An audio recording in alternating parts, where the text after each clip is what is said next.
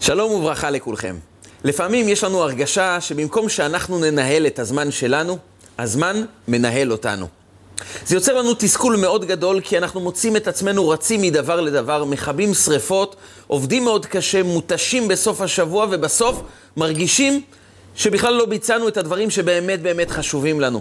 במקום שננהל את הזמן בצורה מסודרת, שנדע מה התפקידים שלנו, מה המשימות שלנו, וגם נראה תוצאות, אנחנו מוצאים את עצמנו עייפים, השקענו הרבה, ואנחנו מסתכלים על עצמנו בסופו של דבר, האם מימשנו את הדברים הבאמת חשובים בחיים, ואנחנו מגלים שלא, וזו הרגשה מתסכלת, כי אז אנחנו מרגישים כמו עבדים בחיים. אנחנו מרגישים שמשהו אחר מנהל אותנו, ואנחנו לא באמת מצליחים לקחת את עצמנו ואת החיים שלנו בידיים, ולבצע את מה שצריך ולהגיע לתוצאות טובות. אפשר לשנות את זה? מה הדרך להגיע לתוצאות טובות יותר בניהול הזמן שלנו?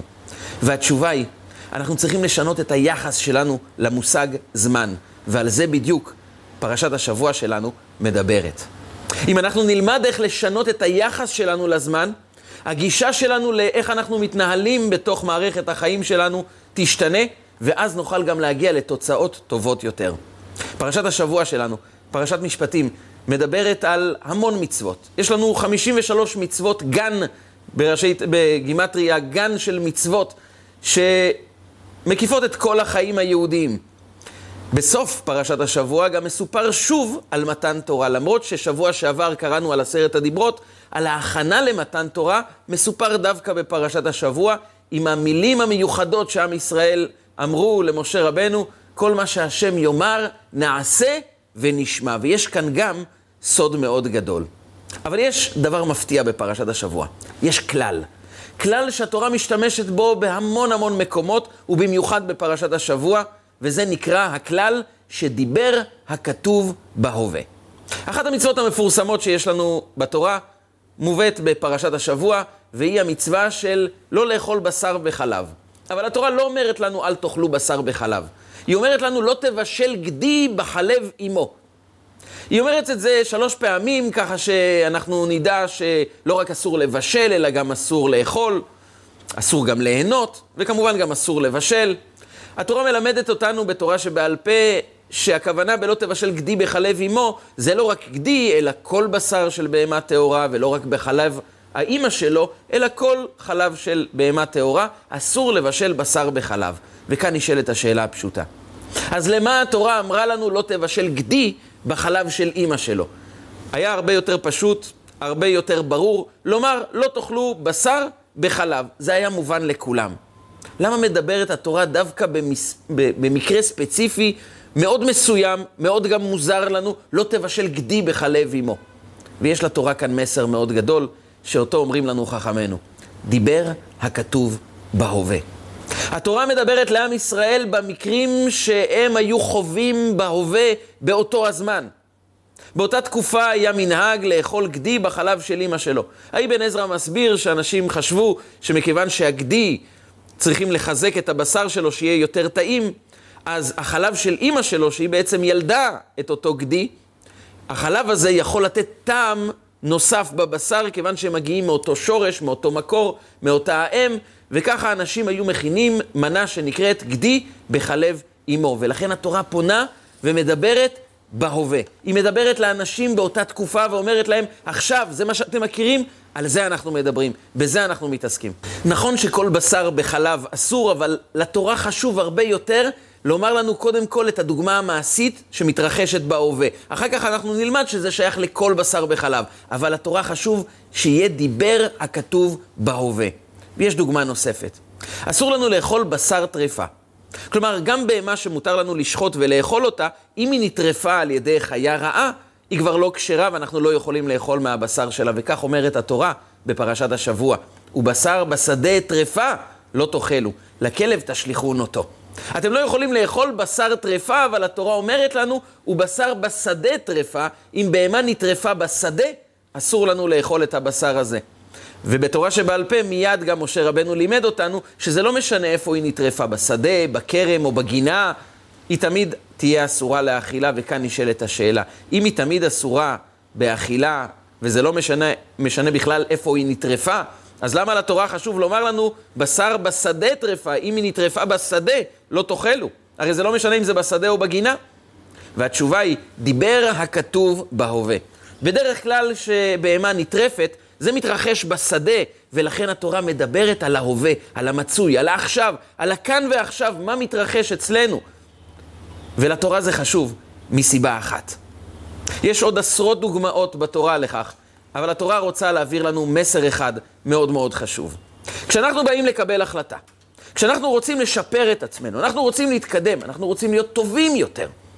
אנחנו מתמלאים ברגע של שמחה, הנה עכשיו אני הולך לשפר את חיי. יצר הרע מגיע ותוקף אותנו משתי כיוונים שונים. הכיוון הראשון זה העבר. הוא אומר לנו, עכשיו אתה רוצה להיות טוב יותר, עכשיו אתה רוצה לשפר את עצמך. אתה זוכר מה היית לפני כן? אתה זוכר מה היית אתמול, שלשום, כל השנים האחרונות, אתה יודע איך אתה מתנהג? איך תשתנה? הרי אתה רואה שכל כך הרבה פעמים נפלת, נכשלת, לא תמכו בך, לא עזרו לך. היה לך כל כך הרבה מכשולים, נפילות, אכזבות. אז מה אתה חושב שיהיה עכשיו? עכשיו אתה חושב שיהיה שונה? מה שהיה הוא שיהיה. וכך אדם מתרוקן מכל הכוחות שלו. כיוון שהוא קורא את ההווה שלו לפי העבר, הוא בעצם לא חי בהווה, הוא חי בעבר.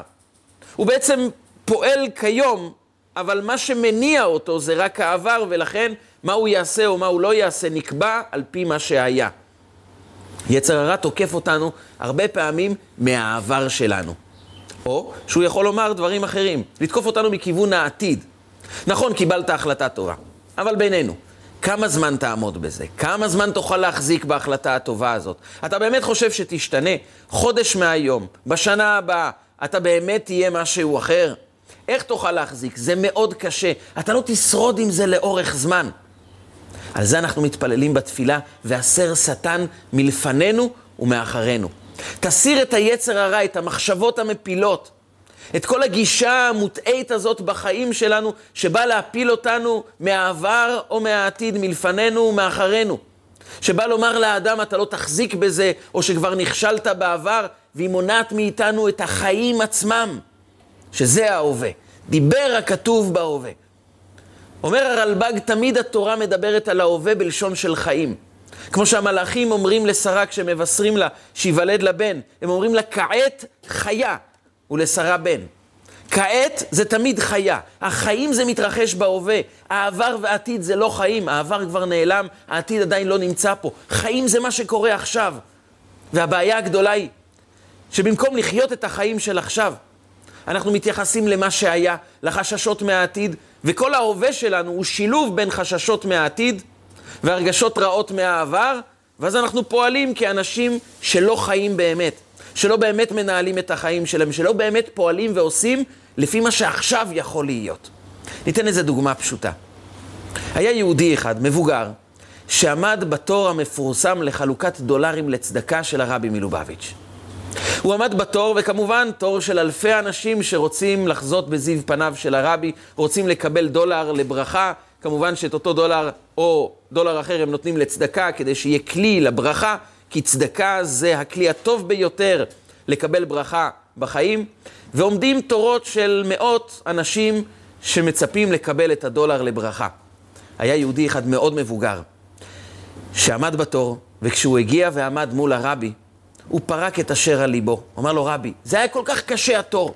עמדתי הרבה זמן, זה היה קשה, כואבות לי הרגליים. תור מאוד ארוך, מאוד צפוף, היה לי מאוד קשה. מה נוכל לומר לאדם שמתלונן על התור להגיע אל הרבי מלובביץ'? הרבי הסתכל עליו בעיניים טובות ושאל אותו שאלה אחת. אחרי שהוא סיים לומר, היה לי קשה, וזה היה תור ארוך, והיה צפוף, הרבי מסתכל עליו ושואל אותו, ומה עכשיו? כאילו חזר פתאום לחיים, הוא מסתכל על הרבי, מחייך ואומר, עכשיו טוב מאוד, אני מרגיש מעולה. אמר לו הרבי, מצוין, עם זה תמשיך הלאה. אנחנו הרבה פעמים חווים בהווה את החוויות של העבר, ואנחנו מפספסים את המתנה הגדולה של מה עכשיו? מה קורה כעת? מה אתה יכול לבצע כעת? ועל זה בדיוק בחר רבי יהודה הנשיא, בסיפור המפורסם שמספרת הגמרא במסכת עבודה זרה. רבי אלעזר בן דורדיה היה אדם שלא הניח עבירה שהוא לא עשה. הוא היה חוצה ימים ונהרות כדי לחטוא. עד שאישה אחת אמרה לו, אתה לעולם לא תחזור בתשובה. לך אין סיכוי. וזה פגע בו מאוד, זה נכנס לו לתוך הלב. והוא כל כך הצטער שהוא עלה על גבעה והתחיל לבכות ולומר, שמיים וארץ בקשו עליי רחמים, שמש וירח בקשו עליי רחמים. הוא התחיל לבקש מכל הכוחות בטבע, תלכו לפני כיסא הכבוד ותבקשו עליי רחמים, וכולם אמרו לו את אותה תשובה. עד שנבקש עליך, אנחנו צריכים לבקש על עצמנו. הניח רבי אלעזר בן דורדיה את ראשו בין ברכיו, גאה בבכי ואמר, אין הדבר תלוי אלא בי. זה הכל תלוי בי. הוא בכה וחזר בתשובה, ביקש מחילה גדולה, והוא כל כך הצטער, כל כך כאב, כל כך בכה, מעמקי נשמתו, שיצא נשמתו באותה בכייה. וכשיצא נשמתו ועלתה למעלה, יצא בת קול מן השמיים ואמרה, רבי אלעזר בן דורדיה, מזומן לחיי העולם הבא. קנה את עולמו. באותה שעה, רבי יהודה הנשיא נמצא בבית המדרש. הוא מדבר דברי תורה, מעביר את התורה לדור הבא. ופתאום הוא שומע את הבת קול שאומרת, רבי אלעזר בן דורדיה מזומן לחיי העולם הבא. הוא התחיל לבכות. והוא אמר, יש קונה עולמו בשעה אחת, ויש קונה עולמו בכמה וכמה שנים. בכה רבי על זה שיש אנשים שקונים את עולמם, וזה לוקח להם חיים שלמים, והוא קנה את עולמו בשנייה אחת. ושואלים המפרשים, אם הוא קנה את עולמו ברגע אחד, למה אתה בוכה? אתה צריך לשמוח, שהנה הוא הצליח לקנות את עולמו ברגע אחד. למה אתה בוכה? יש על כך הרבה הסברים, אבל הסבר אחד, אומרים המפרשים, רבי יהודה בכה לא על רבי אלעזר בן דורדיה, הוא בכה עלינו. אם אדם ברגע אחד בחיים שלו, שהוא לקח אחריות, התמקד באותו רגע וזכה לקבל, לקבל חיי עולם הבא, הוא קנה את עולמו לגמרי ברגע אחד. פתאום הבין רבי יהודה הנשיא, אתם, אתם רואים מה כוחו של רגע אחד? שאדם מתמקד בהווה, מה עכשיו אני יכול לעשות? רבי אלעזר בן דורדיה לא התחיל לומר לעצמו, אבל חטאתי כל חיי, אין לי סיכוי. הוא לא שאל את עצמו, מי אומר שאני יכול להחזיק כל כך הרבה זמן עכשיו בדרך חיים שלא הורגלתי אליה, שאני לא יודע איך להתנהג בה? הוא לא שאל את עצמו שאלות מהעבר ולא חששות מהעתיד. הוא לא נתן למכשולים מהעבר לנהל את ההווה, ולא נתן לחששות של העתיד להתחיל לקבוע לו מה הוא יהיה עכשיו. הוא אמר, עכשיו אני רבי אלעזר בן דורדיה, ועכשיו אני קונה עולם הבא, עכשיו אני מתנהג כמו שצריך. בחר רבי ואמר, כמה רגעים כאלה בחיים שלנו אנחנו מפסידים, בגלל שאנחנו שקועים בעבר, חוששים מהעתיד, ומפספסים את הכעת חיה, את ההווה עכשיו, שאנחנו יכולים איתו לשנות את כל החיים שלנו. והסר שטן מלפנינו ומאחרינו. מבקשים מהקדוש ברוך הוא שיעזור לנו להסיר את החששות מהעבר, את החששות מהעתיד, את המכשולים מהעבר. נכון שמהעבר צריך ללמוד. צריך ללמוד, אבל לא לקחת את הכישלונות להווה. אני לומד מהעבר, אני מתכונן לעתיד. אבל חששות מהעתיד, הכישלונות של העבר הן לא קיימות כעת, קיים רק דבר אחד וזה ההווה, כעת חיה. וכאשר יהודי מסתכל על חייו בצורה של הווה, הוא מבין, החיים זה מה עכשיו. החיים זה מה שאני יוצר עכשיו. הוא בעצם מבין שכל דקה שעומדת מולי היא נצח, היא חיים שלמים. היא בעצם האמירה של הקדוש ברוך הוא, עכשיו כל העולם שלך, כל החיים שלך, תלויים במה אתה עושה עכשיו. ככה שאנחנו צריכים להרגיל את עצמנו, לפנות את החששות מהעבר. את כל המכשולים של העבר, זה לא נוגע להווה. בואו לא ניתן לעבר שלנו לפגוע במה שאנחנו יכולים לעשות כעת. זה שאנחנו אמורים ללמוד מהעבר, זה רק ללמוד ממנו את הדברים הטובים, אבל לא לומר לעצמנו, אם הייתי כישלון, סימן שאני כישלון. איך אני אוכל לשרוד לעתיד לבוא? הרבה פעמים גם פחדים נכנסים לחיים שלנו, כי אנחנו בוחנים את העבר ואומרים, אם היה כל כך גרוע בעבר, בטח מה הולך להיות כעת? ואז החששות והפחדים נכנסים לתוך החיים שלנו. ואנחנו שואלים את עצמנו, איך מסירים את החששות? הרי אני באמת חושש, ויש ממה לחשוש. התשובה היא, אם נהיה אנשים שמתרגלים לחיות בהווה, והעבר נועד רק כדי ללמד אותנו מה נכון לעשות כעת, העתיד זה רק כדי שנדע איך להתכונן כעת טוב יותר. כל השאר פשוט לא תופס מקום אצלנו. אם אנחנו מתרגלים שדיבר הכתוב בהווה. התורה פונה אלינו ואומרת, אני יכולה לומר, לא תבשלו בשר בחלב, וזה יהיה פשוט ומובן לכולם. אבל אני רוצה שכל פעם שתקראו את המצווה, תזכרו, דיבר הכתוב בהווה. התורה פונה אליך, עכשיו, עכשיו תשנה את החיים. והיה אם שמוע תשמעו אל כל מצוותיי אשר אנוכי מצווה אתכם היום. ראה אנוכי נותן לפניכם היום. התורה כל פעם אומרת לנו, היום, הרגע, עכשיו, זה הרגע שאתה יכול לשנות את החיים שלך. הייתה אישה אחת ששרדה את השואה, ובסוף מלחמת העולם השנייה היא גם שרדה את צעדת המוות. הנאצים יימח שמם יאבד זכרם, הם פינו מחנות מסוימים שבהם הם ריכזו את היהודים, המיתו את היהודים, וכחלק מהמנוסה שלהם, מהצבא האדום הרוסי שבא לכבוש את המקומות שבהם שלטו הגרמנים, הם סחבו את היהודים לאורך של קילומטרים ארוכים בשלג. מי שהיה, מי שנפל, קיבל ירייה, ואלפים אלפים מתו במסע הזה שנקרא בפי הניצולים צעדת המוות. עד היום זה נקרא כך. והדבר המפתיע הוא שיש אנשים שיחסית היו חזקים יותר מאחרים, והם לא שרדו את צעדת המוות. זה שבועות על שבועות שאנשים הולכים בשלג, ללא תנאים מינימליים, קור, מחלות, כאב, צער, והם לא שרדו, הם נפלו ונהרגו. ויש אנשים חלשים יותר ששרדו את הצעדה הזו. בין הניצולים הייתה אישה בשם ציפורה. היא שרדה את צעדת המוות, ושאלו אותה הילדים שלה, איך שרדת את צעדת המוות? אנשים גיבורים לא הצליחו לשרוד. מחלות, קור אימים, פחד, אימה, חוסר מערכת חיסונית בכלל, לא, לא, לא אכלת, היית כל כך צנומה, כל כך רזה, כל כך חולה, איך שרדת את הצעדה הזו? והיא אמרה להם, אנשים נפלו, כי הם ראו את העבר שלהם בשנים האחרונות והבינו שאין סיכוי. הם ראו את העתיד, ובמיוחד ראו את הקילומטרים של שלג שהם עוד, צריכים ללכת. והם אמרו, אין סיכוי, לא נאכל. והם נפלו, וזה היה מאוד מובן. אבל אני אמרתי לעצמי, כל רגע, משפט אחד. ציפורה, רק עוד צעד אחד. תצעדי את הצעד הבא. נתתי לעצמי כל רגע רק משימה אחת קטנה, את הצעד הזה תעשי. וצעד ועוד צעד ועוד צעד. שרדתי את צעדת המוות, הקמתי משפחה, ואתם פה. כי אין כוח יותר גדול מדיבר הכתוב בהווה. על זה אומרת התורה, היום אם בקולו תשמעו. הגמרא מספרת לנו על רבי יהושע בן לוי שפגש על פתח מערתו של רבי שמעון בר יוחאי את אליהו הנביא. והוא אמר לו, אליהו הנביא, כל עם ישראל מצפה, משתוקק, מחכה כל כך שתבוא לבשר על הגאולה. מתי משיח מגיע לגאול את עם ישראל? אמר לו אליהו הנביא, אתה שואל אותי? לך תשאל את המשיח. אמר לו, ואיפה הוא נמצא משיח? אמר לו אליהו הנביא, הכתובת המדויקת שלו זה הוא יושב על פתחו של רומי. הוא יושב בין אנשים מצורעים, ואני אתן לך סימן זיהוי כדי שתדע לזהות מי זה משיח. כולם מסירים את התחבושות שלהם, כיוון שהם מצורעים. הם מסירים את כל התחבושות שלהם, מנקים את עצמם וחובשים את עצמם בחזרה. משיח מסיר תחבושת קטנה אחת, מנקה, מחזיר. עוד תחבושת מסיר, מנקה ומחזיר את התחבושת.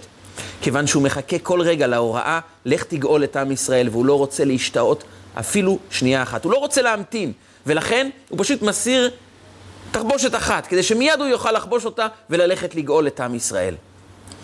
ממשיכה הגמרא ומספרת, רבי יהושע בן לוי הגיע, פגש את משיח צדקנו ושאל אותו, אימתי קאתימר? מתי אתה מגיע? מחכים לך. אמר לו משיח, הגעת בזמן. היום אני מגיע. שמח רבי יהושע בן לוי, אבל משיח לא הגיע באותו היום, וגם לא ביום שלמחרת.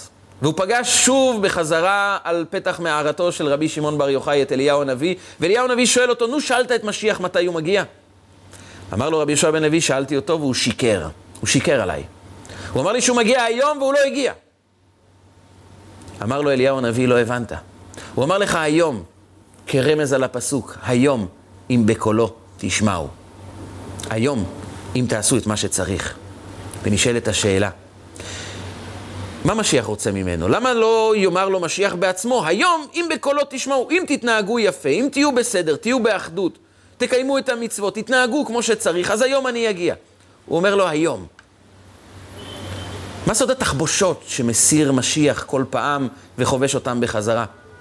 יש בזה אריכות מאוד גדולה, אבל נקודת הדברים היא. אומר לו משיח, אם אתם רוצים באמת לשנות את העולם, אם אתה רוצה להביא גאולה אליך ולעולם כולו, תזכור, היום. בדרך כלל אנחנו מצפים לאיזה רגע מיוחד שבו אנחנו נוכל לשנות את העולם. לאיזה רגע קדוש, לרגע מרומם, לרגע מסעיר, לרגע כזה שיש בו קדושה עליונה, ואז אנחנו נוכל להשתנות. אבל תזכור תמיד, היום זה הרגע שאתה יכול להביא גאולה לעולם. הרגע הגדול הוא לא בזמנים אחרים, הוא עכשיו.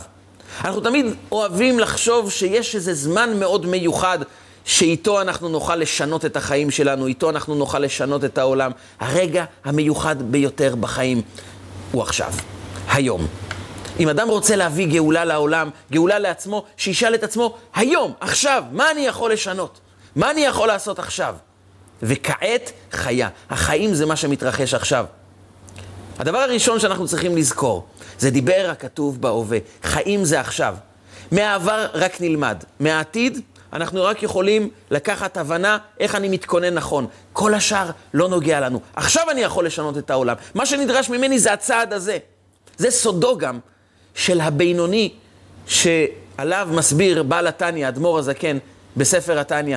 הבינוני הוא אדם שנלחם כל חייו נגד היצר הרע.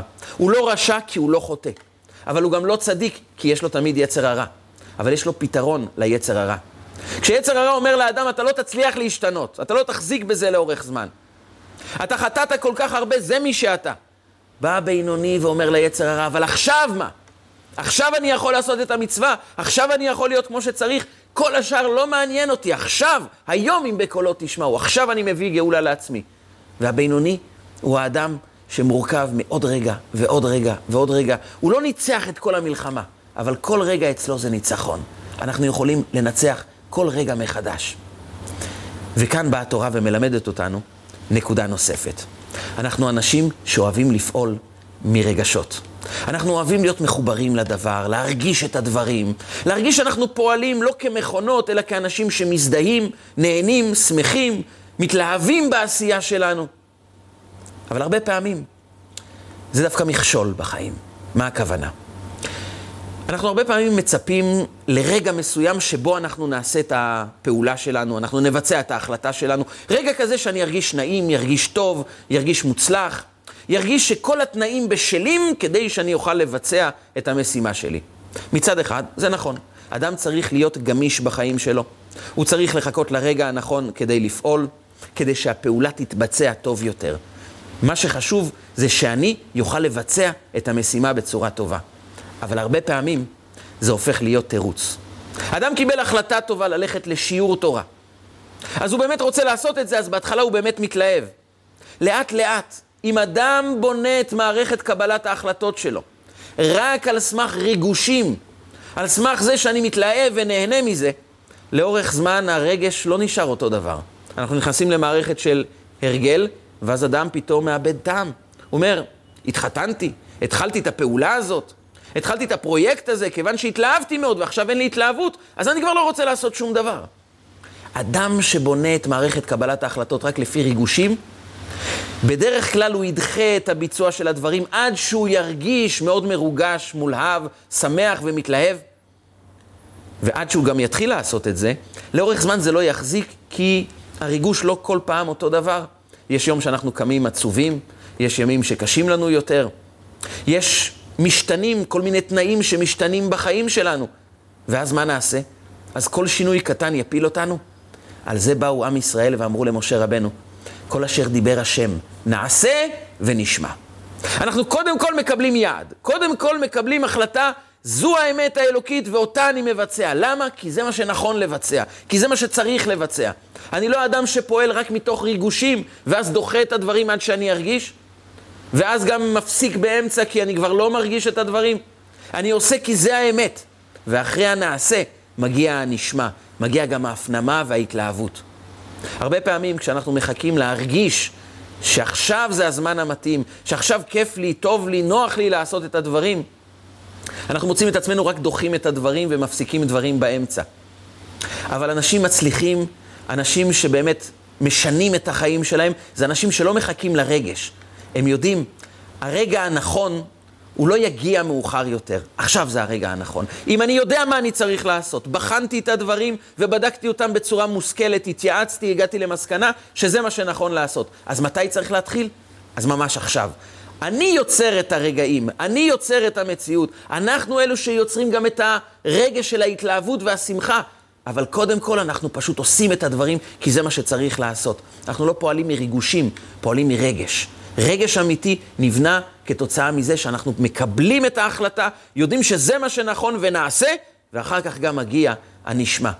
כיוון שאנחנו ממוקדים עכשיו בהווה, מה אנחנו צריכים לעשות? ואנחנו יודעים לפעול לא מתוך ריגושים, שאז אנחנו דוחים את הדברים, או אנחנו מפסיקים באמצע כי היום לא מתאים לי, והיום לא נוח לי, ופגעו בי, והעליבו אותי, ואני לא מרגיש נעים. נעשה ונשמע. כשהקדוש ברוך הוא ביקש מאומות העולם, כפי שהמדרש מספר, תקבלו את התורה.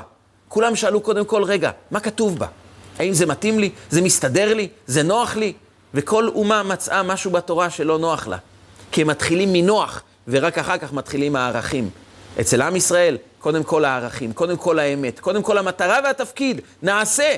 ואחר כך אנחנו יודעים, אם אתה עושה את הדברים, כי הרגע זה הרגע הנכון. כי המשימה הזו היא המשימה החשובה, הנכונה, וזו שליחות חייך.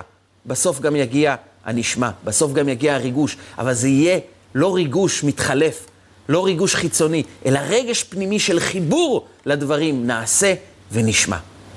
יש דבר מפתיע, בכל המושג הזה של מתן תורה, שקראנו בשבת שעברה, ושוב אנחנו קוראים את זה גם בפרשת השבוע שלנו.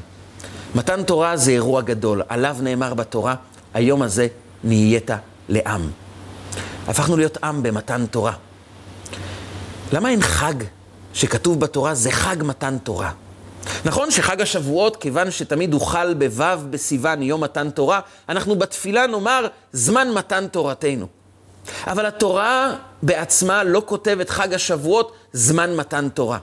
אנחנו אלו שחוגגים את חג מתן תורה, אבל התורה מציינת את חג השבועות כחג הקציר, או חג השבועות. כמובן שיש רמזים בתורה לכך שזה גם יום מתן תורה, כפי שהגמרא בירושלמי מעריכה להסביר, שבקורבן של חג השבועות לא כתוב שעיר אחד לחטאת. בקורבנות שאנחנו מקריבים בחג, לא כתוב שעיר אחד לחטאת, כפי שכתוב בשאר הקורבנות של שאר החגים. והסיבה היא, אמר הקדוש ברוך הוא, אתם קיבלתם את התורה, אני מוחל לכם את כל העוונות. אבל בכל אופן, למה התורה לא מציינת? זה חג מתן תורה. והתשובה היא, אומרים המפרשים, בין שאר התירוצים, מתן תורה זה לא אירוע שהיה, זה אירוע שמתרחש בהווה. למה? כי דיבר הכתוב בהווה. תורה זה לא משהו שקיבלנו, זה לא משהו ששייך לאבותינו, זה לא היסטוריה מלפני למעלה משלושת אלפים שנה, זה הרגע מתרחש מתן תורה. אין חג שמציין זיכרון למתן תורה, כי מתן תורה מתרחש כעת עכשיו. יהודי שפותח את ספר התורה, הוא לא פותח ספר רק שנכתב לפני למעלה משלושת אלפים שנה. הוא פותח את הספר שכעת ריבונו של עולם מוריד אלינו ואומר, תלמדו את תורתי, עכשיו אני מעניק לכם את התורה. בעולם החיצוני, החומרי, הפיזי, הדברים עוברים מהעבר, ואנחנו יכולים לזכור אותם בהווה, להנציח אותם לעתיד. תורה זה הדבר היחיד שהיא הווה ומתרחשת כל רגע מחדש. לכן כל יהודי שלומד תורה, הוא מברך את ברכות התורה. כשהוא עולה לתורה הוא מברך, ברוך אתה השם נותן התורה. אף אחד לא אומר, ברוך אתה השם שנתת לנו תורה. ברוך אתה השם שאתה נותן את התורה. כי דיבר הכתוב בהווה. אומרת התורה, מתן תורה זה לא יהיה יום מסוים שבו אנחנו זוכרים את התורה. מתן תורה זה יהיה כל רגע. כל רגע אתם מקבלים את התורה, כל רגע אני נותן את התורה. זה מתרחש והווה כל רגע מחדש. וכשאדם יודע, הרגע הזה אני יכול לשנות עולמות. הרגע הזה זה החיים. הרגע הזה אני מקבל את התורה, אני מקבל את הכוחות, אני מקבל את השליחות שלי. אני מתעלם מריגושים ושואל את עצמי מה אני צריך לעשות. פתאום הרגע שנמצא מולי הוא רגע כל כך חשוב, שאני אומר לעצמי, אני לא דוחה שום דבר. אם זו המשימה שלי, כעת חיה. החיים, אני יוצר אותם כעת, ומבצע את מה שאני צריך לבצע. מספרים על המגיד הקדוש ממזריץ', תלמידו של הבעל שם טוב הקדוש. המגיד ממזריץ' היה ילד קטן, שיום אחד, כפי שהתרחש באותה תקופה, הרבה פעמים, שריפה של כל הבתים. הבתים היו בנויים מעץ. ומספיק ניצוץ אחד ששרף בית, והבית שרף את הבית שלאחריו, ושכונות שלמות היו נשרפות. ואנשים היו בוכים על ביתם שנשרף עם כל הרכוש שנעלם עם האש, עם השריפה. והמגיד הקדוש ממזריץ', בתור ילד קטן, ראה את אימא שלו עומדת ליד, ליד מה שהיה פעם הבית שלהם ובוכה, ממררת בבכי. והוא ניגש אליה ואמר לה, אימא, העולם הזה לא שווה שתבכי עליו, זה רק עצים ואבנים. אנחנו יהודים, יש לנו תורה, מצוות, את זה אף אחד לא לוקח, את זה אי אפשר לשרוף. אימא שלו מנגבת את הדמעות, מסתכלת עליו, ואומרת לו, בני, אני יודעת, אני לא בוכה בגלל עצים ואבנים. אני לא בוכה על הרכוש. אני תמיד שמחה שאנחנו יהודים וקרובים וקשורים לקדוש ברוך הוא. אני בוכה על משהו אחר. אתה יודע, בני, אתה צאצא לצדיקים גדולים. הייתה לנו בבית מגילת יוחסין שמייחסת אותך עד לדוד המלך, עליו השלום. אתה מיוחס לשבט קדוש, שבט יהודה. אתה ממשפחתו של דוד המלך. והיה לנו מגילת יוחסין שמסבירה מי היה הסבא שלך והסבא שלו, אה, דוד המלך. המגילה הזאת הייתה כל כך יקרה לנו. היא מסבירה על העבר המופלא של המשפחה שלנו. והכל נשרף, הכל נעלם. על זה אני בוכה. הסתכל עליה המגיד הקדוש ממזריץ' על אימא שלו ואמר לה, אימא, אל תבכי על העבר שנעלם, אני מבטיח לך, אימא, ממני תתחיל מגילה חדשה. זה כוחו של אדם שיודע מה תפקידו בהווה. אז במקום לבכות על העבר, הוא אומר לעצמו, הרגע אני מתחיל חיים חדשים. עכשיו אני מתחיל משהו חדש שלא היה. כי זה כוחו של ההווה, שעליו אמרה התורה, דיבר הכתוב בהווה. התורה פונה אלינו ואומרת, עכשיו אתה יכול לשנות את העולם. עכשיו אתה יכול להפוך להיות משהו אחר. עכשיו אתה יכול להביא את הדברים הטובים ביותר לתוך חייך ולעולם כולו. ועכשיו אתה יכול להביא את משיח צדקנו, ממש עכשיו. אמן ואמן.